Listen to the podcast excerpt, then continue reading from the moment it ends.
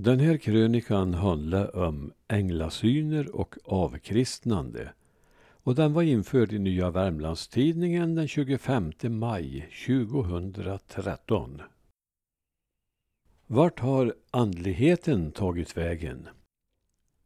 När jag var pojke på 1950-talet var vi hur andliga som helst. Då var missionsförsamlingen en vital del av samhällslivet i norra Värmland.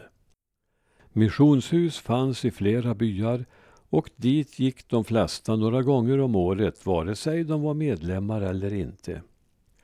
Där ordnades söndagsskola med festligheter, där var vanliga möten och missionsaktioner och på somrarna hölls tältmöten. Frälsningsarmén och baptisterna verkade också i bygden och statskyrkan samlade folk till större högtider. Hur tillgodoses det andliga behovet idag? Är det magikerna och häxorna som har tagit över? Människan i sig torde inte vara så annorlunda genom tiderna men 1800-talets väckelsevåg som sköljde ända in på halva 1900-talet ter sig avlägsen i vår sekulariserade tid. Och denna våg föregicks av rörelser som kunde ta mycket extrema uttryck. Här följer några exempel. Till Finnskogen kom 1854 från Norge något som kallades predikosjukan. På mötena ropade man och föll i ett hypnosliknande tillstånd. De som blivit fängslade av rörelsen höll gudstjänster dag och natt och de glömde denna världen så totalt att de lät sina hem förfalla. 1858 visade sig på himlavalvet en komet som blev kallad Donatis komet och som kan ha gett upphov till de änglasyner som uppträdde året därpå. Som på häxprocessernas tid var det barn som såg syner som de förmedlade. De trodde som att kunna se in i himlen och där urskilja själar, en del blanka och skinande, andra mörkare. Det ansågs att de också kunde se stjärnor sitta på vissa personer och de kunde avgöra vilken färg de levande skulle få på sina stolar på den andra sidan. Dessa barn ansågs som Guds underverk men deras storhetstid blev inte långvarig. I norra Värmland fick rörelsen inget riktigt fäste. Kanske var den identisk med den så kallade roparerörelsen som lär ha haft småländskt ursprung och som kännetecknades av att anhängarna föll i ett tillstånd av trans och då saknade känsel och medvetande. När de vaknade upp utropade de domsord till de närvarande och manade till omvändelse. De kunde också vända sig till en enskild person med kraftiga anklagelser och avslöja dennes ondska. Den enda kända utövaren i Dalby av denna trosyttring var en fattig flicka, Knuts-Marit Halvarsdotter från Gällstaheden och hur hon just hittat denna lära är obegripligt. Föräldrarna dog innan Marit och hennes fyra syskon var vuxna och barnen togs om hand av mjölnaren Abraham Björn vid Femtå kvarn.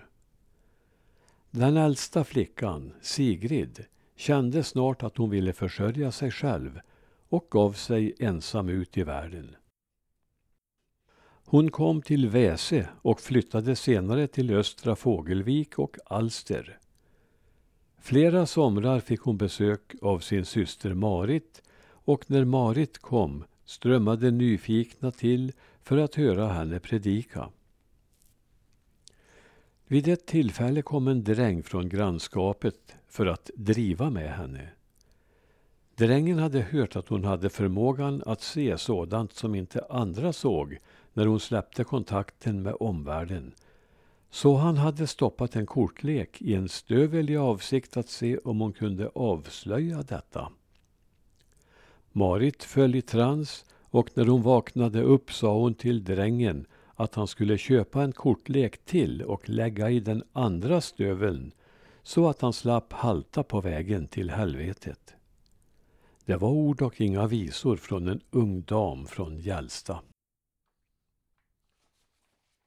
I Dalby församlingsbok finns i Hjälsta en Marit Halvarsdotter född 1828 med fyra syskon varav den äldsta heter Sigrid född 1823. Troligen är det om denna Knusmarit hembygdsforskaren Lars Bäckvall berättar att hon hade särskilda gåvor men sedan hon blivit lärare ville hon inte längre höra talas om detta. En rörelse som starkt påminde om predikosjukan uppstod i Dalby på 1880-talet. Man tror att det var predikanten Nils Jernberg som 1886 kom från Amerika till Likenäs som var upphovsman. Han var en karismatisk person som lockade folk i mängder till sina möten. Där förekom för första gången i dessa bygder tungomålstalande. Det var på ett möte i Långav och Lars Bäckvall vet att berätta hur extasen grep omkring sig. De tungomålstalande hoppade, gestikulerade, sluddrade på målet och stönade, slängde i armarna. OJ fick sålunda av PN ett försvarligt slag.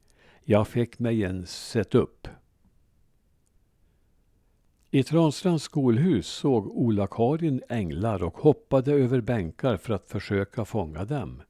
En predikant skrev Vi blev så uppfyllda av Gud att vi inte hade mycket med denna världen att skaffa.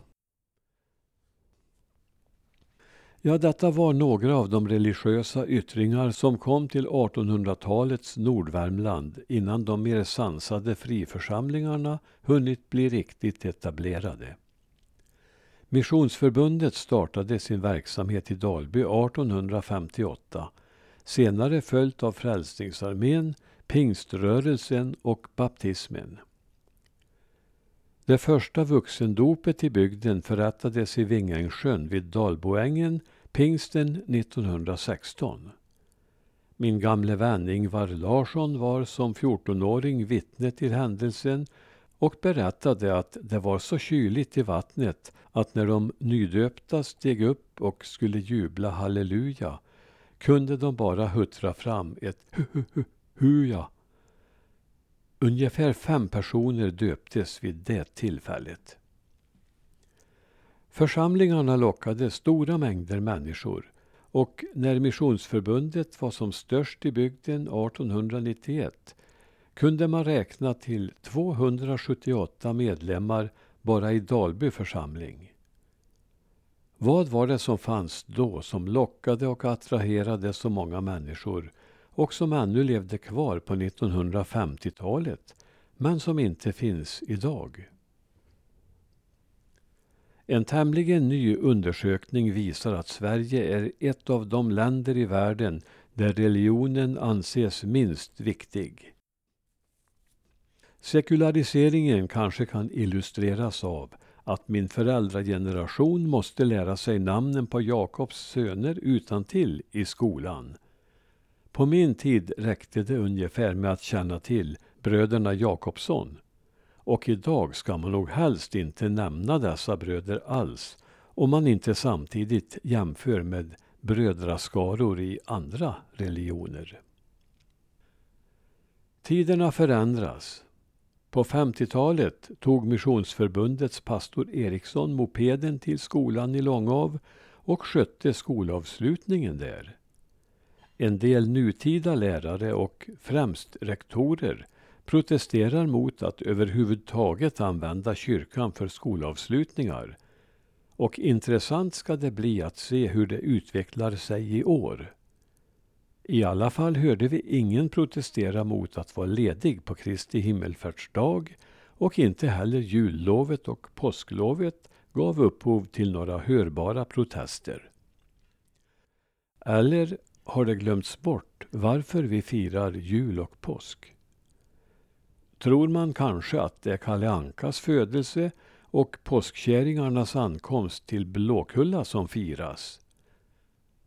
Vart har andligheten tagit vägen?